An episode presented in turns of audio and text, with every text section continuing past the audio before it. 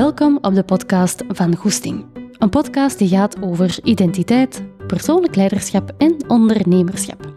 Ik ben Anne-Sophie, coach in persoonlijk leiderschap en organisatieontwikkeling en samen met mijn collega's van Koers bouwen wij aan een wereld waar individuen, teams en organisaties even stilstaan bij een kern. Hun waarden, sterktes, drijfveren, visie enzovoort. Zodat ze vanuit deze fundamenten kunnen groeien op lange termijn. Met veel goesting. Ik ben super blij om deze aflevering te maken vandaag, want het is een samenwerking met een heel aantal volgers op Instagram. Dus wie weet heb ook jij meegewerkt aan deze aflevering. En ik vind het zo tof om jullie feedback mee te verwerken in mijn afleveringen, dus ik ga dat meer doen. Hou zeker mijn account in het oog en als je het leuk vindt om ook hun input te geven, je kunt mij vinden op ansofieanelkaar.koers.coach.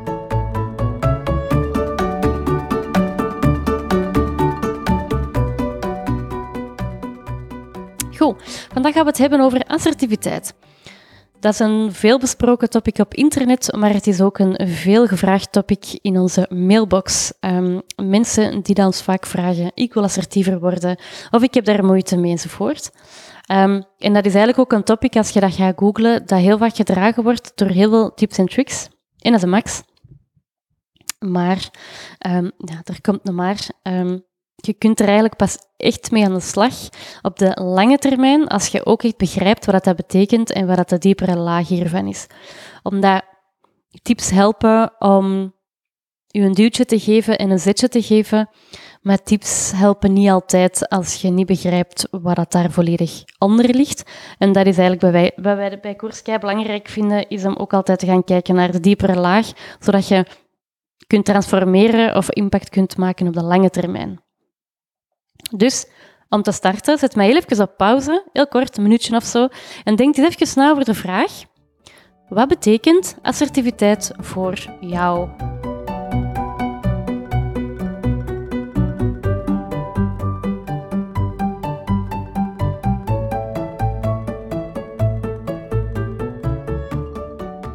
Heb je een antwoord voor jezelf geformuleerd? dan ga je ook iets meer hebben aan deze aflevering, omdat je dan heel concreet um, met je antwoord ook aan de slag kunt. Ik heb uh, drie weken geleden op Instagram een aantal vragen gesteld. En dat waren, wat is, wat is assertiviteit? Wat belemmert u om assertief te zijn en wanneer lukt het net wel? Ik ga die antwoorden, ik heb die eigenlijk doorheen deze aflevering mee verwerkt. En om te beginnen bij wat is assertiviteit, heb ik er heel duidelijke vier clusters kunnen uithalen. Ik ga daarmee beginnen. De eerste is eigenlijk authentiek durven opkomen voor jezelf en uw mening.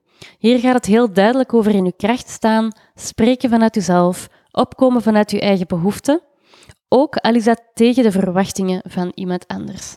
En iemand gaf hier het heel concrete voorbeeld van um, op vrijdagavond iemand durven aanspreken in de frituur die voorsteekt in de rij. Ik vond, die, ik vond wel heel grappig. heel concreet voorbeeld. Um, twee is grenzen. Um, uw grenzen kunnen stellen en verdedigen. Drie, sommige mensen zeggen ook dat gaat over de manier hoe dat je iets zegt. Rustig, zonder de anderen te kwetsen, respectvol en standvastig.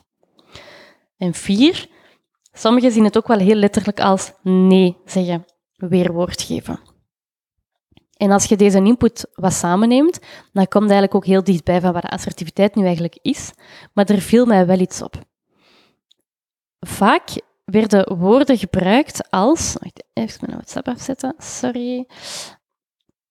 Vaak werden woorden gebruikt als van mij afbijten, weerwoord. En bij zo'n woorden denk ik eigenlijk ook al meteen aan zo verdedigen, strijdingsmechanismen. Zo, hè. Dus dat voelt al, dat heeft al wel een, een, een beladen connotatie. En ik heb ook gemerkt dat 80% van de mensen het woord durven gebruikten. En dat geeft mij de indruk dat de drempel om assertiviteit te zijn voor veel mensen heel hoog ligt. Um, dat klopt ook wel wat met de praktijk, omdat afhankelijk van wie dat je bent, hoe dat je in het leven staat, kan assertiviteit ook wel iets heel hoogdrempelig zijn. Straks gaat je begrijpen waarom. Nu, vanuit de theorie, wat is assertiviteit nu eigenlijk? Theoretisch gezien is dat dat je je gevoelens, gedachten en mening uitspreekt, maar ook dat je naar de gevoelens, gedachten en meningen van anderen gaat luisteren. En om dit in een groter kader te plaatsen, kunt het eigenlijk zien als drie niveaus. En ik ga niet beginnen met assertiviteit, maar met subassertiviteit. Dus er is subassertiviteit, assertiviteit en agressiviteit. En ik ga ze alle drie even benoemen. Subassertiviteit. Voor mensen die dat subassertief zijn, is assertiviteit zeer moeilijk en hoogdrempelig. Want subassertiviteit betekent dat je heel hard focust op de andere ten koste van jezelf. Je zegt dus ja tegen dat etentje als heel je lijf eigenlijk nee schreeuwt. Maar je doet dat toch omdat je de andere niet wilt teleurstellen of omdat je misschien ook wel schrik hebt ergens dat iemand je gaat afwijzen, dat iemand je dat niet meer zo leuk gaat vinden. En als jij daar moeite mee hebt, als jij, dat, als jij een angst hebt um, voor afwijzing of voor het feit dat mensen je misschien niet altijd leuk gaan vinden en dus erkenning belangrijk vindt, dan is de kans ook wel groot dat je moeilijk grenzen gaat stellen. En omdat harmonie en de relatie voor je belangrijk is en verbinding, gaat u zelf dus wegcijferen om die verbinding en harmonie te kunnen behouden. Maar op dat moment gaat het eigenlijk over je eigen grenzen gaan. Ik had sowieso in een podcast eens gehoord van um, mensen gaan niet over uw grenzen. Jij laat ze toe om over uw grens te gaan. Want als jij een duidelijke grens aanvoelt en deze ook aangeeft, dan kunnen mensen hier in principe niet over als jij dat niet wilt. Ik vond dat eigenlijk een heel interessante, omdat ik ook heel vaak hoor van mensen gaan over mijn grenzen, maar effectief, het gaat eerder over in welke mate kunnen ze daar ook over gaan. In welke mate zet jij voor jezelf ook een bepaalde grens aan. Zie je? Um, wat dat ook wel kan zijn, is dat je je grenzen niet meer aanvoelt of niet meer voelt, omdat je zelf niet meer in connectie staat met jezelf. En dan kan superassertiviteit iets onbewust zijn. Als dat zo is, dan is dat meestal iets uit de kindertijd um, dat zich gezet heeft. En um, dan is dat eigenlijk een patroon waar je niet altijd door hebt. Dus dan denkt je wel van ja, bijvoorbeeld ik ben een pleaser of ik kan geen nee zeggen, maar eigenlijk ligt dat veel dieper als dat. Goed, dat is misschien voor een andere aflevering om daar eens wat verder op in te gaan. Nu, als in superassertiviteit, wat is een impact op relaties? En met communiceren doe je eigenlijk nooit alleen. Het is altijd een spel tussen twee mensen en een dynamiek ertussen. Maar eigenlijk gaat dat vaak ten koste gaan van de relatie met jezelf. Want je wilt conflicten vermijden, je wilt pleasen, je wilt een andere niet kwetsen. Maar je merkt al dat de focus hier ligt op de andere en niet op jezelf. De focus ligt op hoe kan die andere mij erkenning geven? Hoe kan ik met die andere in dynamiek oké zijn? Hoe kan ik ervoor zorgen dat die andere mij leuk vindt enzovoort? Op dat moment word je eigenlijk een klein beetje afhankelijk van iemand anders en gaat dat ervoor zorgen dat je ook je gedrag gaat aanpassen afhankelijk van wat de andere nodig heeft of wilt enzovoort. En ja, je merkt dat dat is gewoon kei vermoeiend. Dat is ook niet zo evident, omdat je op dat moment zou het zelfs kunnen dat je ook heel veel onrust ervaart, omdat je eigenlijk veel meer op jezelf zou willen vertrouwen. En uw eerste stap is dan ook intunen bij jezelf. Wat heb jij nodig? Zo belangrijk. Um, en ik merk ook dat mensen die dat eerder superassertief zijn en die denken aan assertiviteit, dan zien zij het vaak echt als resoluut nee zeggen. Maar eigenlijk is dat in de realiteit agressiviteit. En hierdoor wordt een drempel ook alleen maar groter om te communiceren. Zie je dat? Um, het komt er eigenlijk een beetje op neer dat als je je in superassertiviteit, dat eigenlijk je grootste uitnodiging is om één, terug in contact te komen met jezelf en wat je nodig hebt. En twee, te leren omgaan met het ongemak dat grenzen stellen soms met zich meebrengt.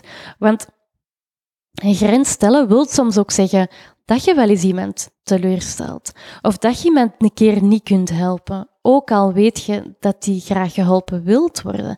En dat brengt soms wel wat ongemak met zich mee. Of wat twijfel, of wat onzekerheid. Of wat, misschien zelfs een beetje schaamte van, oh, ik zou die wel willen helpen, maar ik doe dat niet. Ik heb eigenlijk wel tijd, maar ik wil eigenlijk niet. Voel dat al, dat is een, een grote interne strijd. Maar weet dat grenzen stellen iets heel gezond is om te doen als mens. Omdat je anders volledig afgestemd gaat geraken op andere mensen en ook verder van jezelf gaat staan. En hierbij komen we eigenlijk dichter bij de betekenis van assertiviteit. Nu, zoals ik er juist al zei, is assertiviteit het uitspreken van je gevoelens, gedachten en de mening. Je luistert hier naar jezelf en naar de ander zodat je kunt zoeken naar een win-win en compromissen kunt sluiten. Belangrijk hierin is de wisselwerking. Want assertiviteit is geen eenrichtingsverkeer. Het is niet, ik ga het nu eens vertellen. Ik ga nu eens mijn grens stellen. Eigenlijk is dat niet. Dan zit eigenlijk eerder in het volgende niveau. Assertiviteit is eigenlijk een veel gelaagder proces waar je eerst in contact staat met jezelf en waar dat de communicatie eigenlijk pas de derde fase is. Concreet, wat bedoel ik daar nu mee met die drie fases? Je hebt herkennen, erkennen en benoemen. Herkennen gaat over herkennen bij jezelf wat dat een vraag van iemand bij je doet. Stel dat iemand u vraagt, ah, wilde jij dat project opnemen? Zeg maar iets. Wat voelde jij bij die vraag? Wat voelde jij in zo'n situatie? Wat heb jij nodig? En ja, wilde jij dat doen? Wilde jij dat niet doen? Is dat eigenlijk je taak of niet?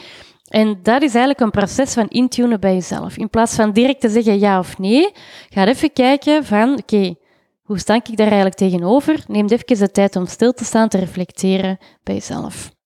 Zo belangrijk, want als je dat gaat doen, heel even dat intunen bij jezelf, dan ga je ook merken dat je bepaalde dingen gaat voelen. Ja? Wat doe je dan met dat gevoel? Want als je dat gevoel gaat erkennen, dan ga je ook naar de volgende fase kunnen gaan van benoemen. En een gevoel erkennen gaat over de angst toelaten, toelaten dat je misschien soms schrik hebt dat iets niet gaat lukken. Als je zo wat faalangst hebt, dat je niet goed weet van, ga ik dat wel kunnen? Ik vind dat wel ongemakkelijk, ik twijfel, ik ben wel onzeker. Maar misschien heb je ook zo wel een schrik voor wat mensen van u gaan denken. Misschien gaan ze dat niet meer zo tof vinden.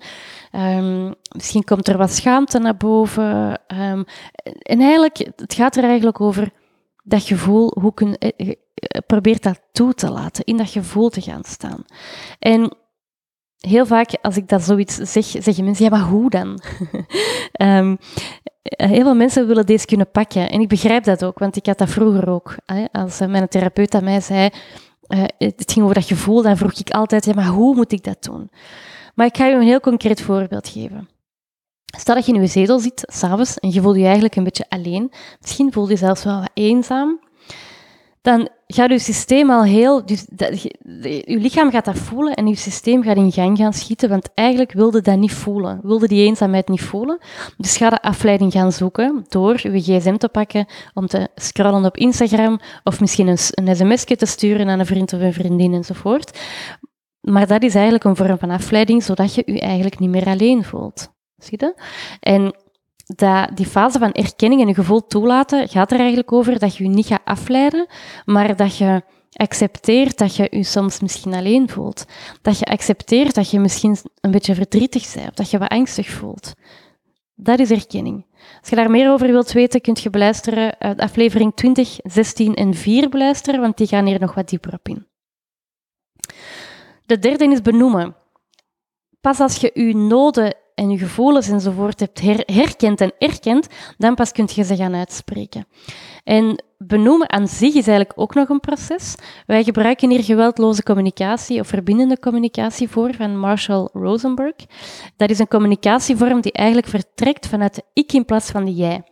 Dus je gaat veel minder gaan vingerwijzen. Eh, eh, jij hebt dat gedaan, of, of jij zegt deze over mij, of, of, of jij vraagt altijd om meer werk enzovoort.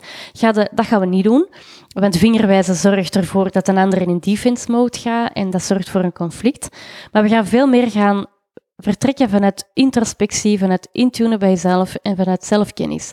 En als jij voor jezelf veel beter weet wie dat jij zei en waarvoor dat jij staat en um, je kunt daarmee omgaan, dan gaat het ook gemakkelijker worden om te benoemen. Goed. Aflevering 14 gaat echt over dit thema van benoemen en communicatie. Dus ga zeker daar eens naar luisteren als je daar meer over wilt weten. Goed. Nu, assertiviteit, wat is daar de impact van op relaties? Dat zorgt eigenlijk voor een echte verbinding. Omdat je aangeeft waar dat je mee zit, omdat je aangeeft wat je nodig hebt, maar omdat je tegelijkertijd ook wel luistert naar de andere persoon. En dat zorgt ervoor dat je ja, dat je een beetje op een niveau komt dat je met elkaar kunt praten over ja, andere zaken dan um, updates en uh, die dingen. En, maar dat je veel meer kunt gaan spreken over ja, wat, wat voel ik nu en, en hoe is het nu met mij en, en wat is de impact van wat jij nu zegt op mij enzovoort. En dat zorgt er eigenlijk echt voor dat je een basis van vertrouwen gaat creëren in je relatie, waar dat elke persoon ook gelijkwaardig is. En wij merken echt dat... Uh, assertiviteit, privé of, of, of, of um, professioneel, maakt op zich niet uit, maar dat, dat, wij echt merken dat mensen daar een enorm boost van vertrouwen door krijgen. Ook in relaties veel meer verbinding gaan ervaren en ook gewoon veel grotere stappen kunnen nemen in vriendschappen, maar ook in collegialiteit en in werk. Dus het heeft, het heeft zo'n impact op zoveel. Um, omdat de dingen gewoon benoemd worden hoe dat ze zijn, maar op een constructieve manier. En dat er ook gewoon naar elkaar geluisterd wordt. En dat is zo krachtig gewoon. Um, de volgende is agressiviteit. En hier gaat het eigenlijk vooral luisteren naar je eigen belangen, los van wat de noden en de behoeften zijn van iemand anders. Dat kan zelfs zijn dat je over de grenzen van anderen heen gaat om je eigen doel te gaan bereiken. Hier gaat het eigenlijk echt over met een hand op tafel kloppen. Hè. Zo het, letterlijk in het resoluut nee zeggen. Nee, ik kan dat niet doen. Ik heb al veel te veel werk. Het is genoeg. Uh, je moet het nu zelf doen of je moet het zelf uitzoeken. Um, je geeft mij altijd zoveel werk. Voel al, dat is een vorm van communicatie. Daar zit beladenheid op. Daar, daar, zit, daar, zit, een, daar zit gevoel op dat niet verwerkt wordt. Bijvoorbeeld frustratie of boosheid. En ik, ik, merk dat deze vorm van communicatie vooral voorkomt bij mensen die dat veel druk ervaren of zich gestrest voelen. Um, en als iemand bijvoorbeeld gestrest is, dan gaat hij van resoluut of rechtuit naar autoritair gaan. Zie je? Of als er iemand is die bijvoorbeeld wat er lang over die grenzen is heen gegaan, ja, die raakt ook overbelast of gestrest en die zit dan zo peu en die gaat dan eerder gaan tegenreageren vanuit en nu is het genoeg en nu is aan mij. Zie je? Maar je voelt al, dat is eigenlijk die agressieve vorm van communicatie. En ik heb al gemerkt dat uit alle reacties dat ik kreeg, dat heel veel mensen assertiviteit nog altijd zien als agressiviteit. Dus als ze denken aan assertiviteit, dat ze eigenlijk aan agressiviteit denken. Ja, en dan is het natuurlijk logisch hè, dat een drempel hoog ligt. Als ik vanuit wie dat ik ben um, mijn eigen ga aanleren om resoluut nee te gaan zeggen. Ja, nee, dat is helemaal niet wie dat ik ben. Um, dat voelt voor mij ook helemaal niet goed. En dat is omdat dat agressiviteit is. Dus die drempel ligt gewoon veel te hoog. Maar dat is geen assertiviteit. Dus ik hoop dat vandaag de uitleg rond assertiviteit u ook gaat helpen om het anders te zien en om het dat het ook laagdrempeliger wordt.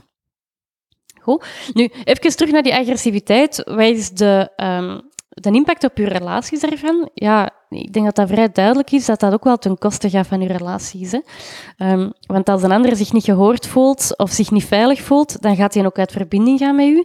En op lange termijn zorgt dat ervoor dat er een afstand komt tussen twee mensen, die eigenlijk nog heel moeilijk te overbruggen valt, omdat dat ook effect heeft op die vertrouwensband. Je hebt daar een heel goede uitspraak over. Hè? Dat is um, vertrouwen komt te voet en vertrekt te paard. Ja, dat is dus een keigoeie. Hè? Vertrouwen kunnen krijgen door assertiviteit, maar dat groeit ook veel trager. Maar agressiviteit zorgt er echt voor dat vertrouwen verbroken wordt. En dan zet je eigenlijk veel verder van huis. Nu, ik heb ook eens de vraag gesteld, bij wie is het moeilijk om assertief te zijn? En daar viel mij ook wel iets op, want ik heb gemerkt dat er vaak een drempel is om assertief te zijn bij mensen die overbelast of gestrest zijn. Stel, ik, ik, ben bijvoorbeeld vrij introvert als persoon en als ik gestrest ben, dan ga ik me heel hard terugtrekken en dan komt er zo wat een murke voor mij. Zo. Um, voor anderen wordt dat dan heel moeilijk om met mij te connecteren en waarschijnlijk dus ook om assertief te kunnen zijn. Zie je? En, maar ook voor mij, als ik overbelast ben en in mijn terugtrekmodus zit, ga ik zelf ook veel minder gemakkelijk assertief zijn, omdat ik in, in, in een stresssituatie zit. Um, een ander voorbeeld is, stel dat jij van nature uitsturend bent, dan gaat jij onder druk waarschijnlijk doorschieten naar autoritair zijn.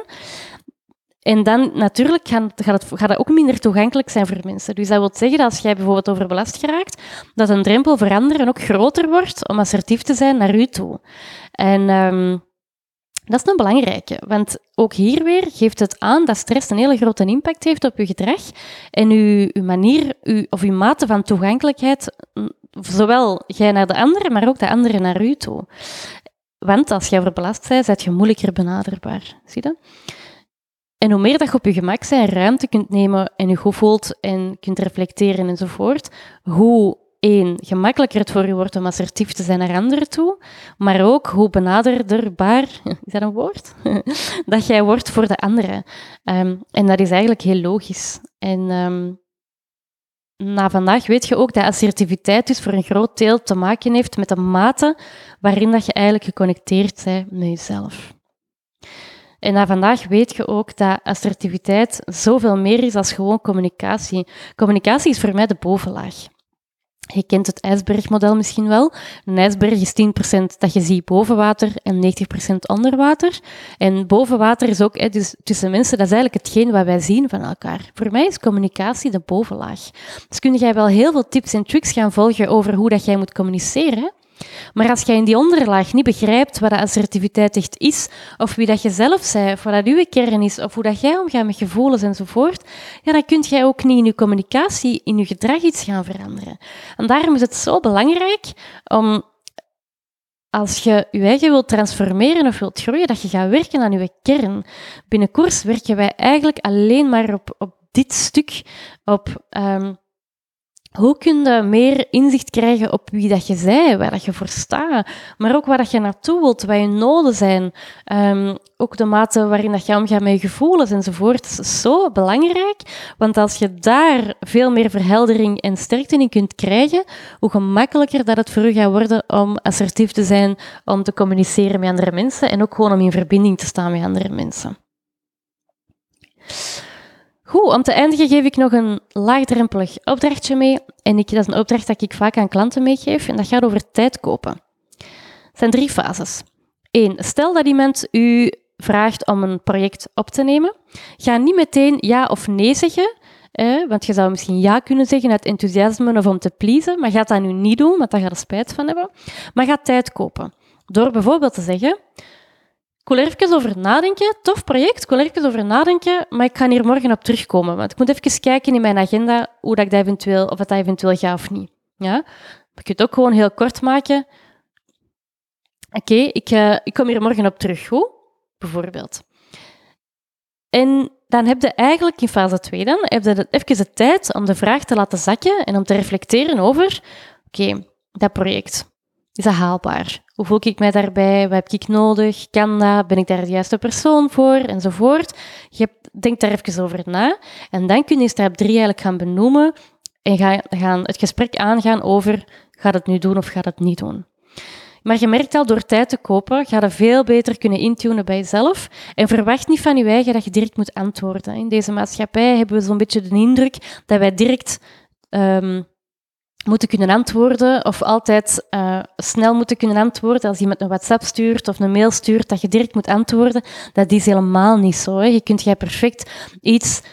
Je moogt je even nadenken over iets. Je kunt perfect iets in een halve dag, een dag of zelfs twee dagen even laten wachten. Als het kop niet in brand staat, dan moet je niet direct antwoorden. Dat is een beetje mijn, visie daarop.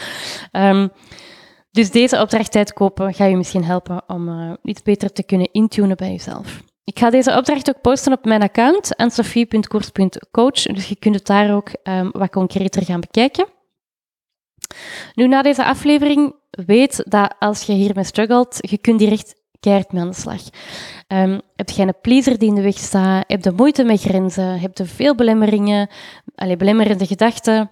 Heb je moeite met de vraag van ja, wie ben ik? Voelde ook dat de vragen dat ik ze wat tussendoor stel, dat je daar moeite mee hebt? Ga er dan mee aan de slag. Um, bij ons kun je altijd een gratis intakegesprek boeken. Dan bellen we even en dan luisteren wij naar wat je nodig hebt. En um, wij gaan altijd kijken of dat wij de juiste persoon zijn om u te begeleiden. Of wij verwijzen ook heel graag door naar andere mensen als wij merken dat iemand anders u beter kan uh, ondersteunen. Dus dat is heel vrijblijvend. En voor een intake moet je altijd mailen naar hello.course.team. Merci om te luisteren. Laat me even weten wat je ervan vond. Ik vond het heel leuk om deze in te spreken en hopelijk tot binnenkort.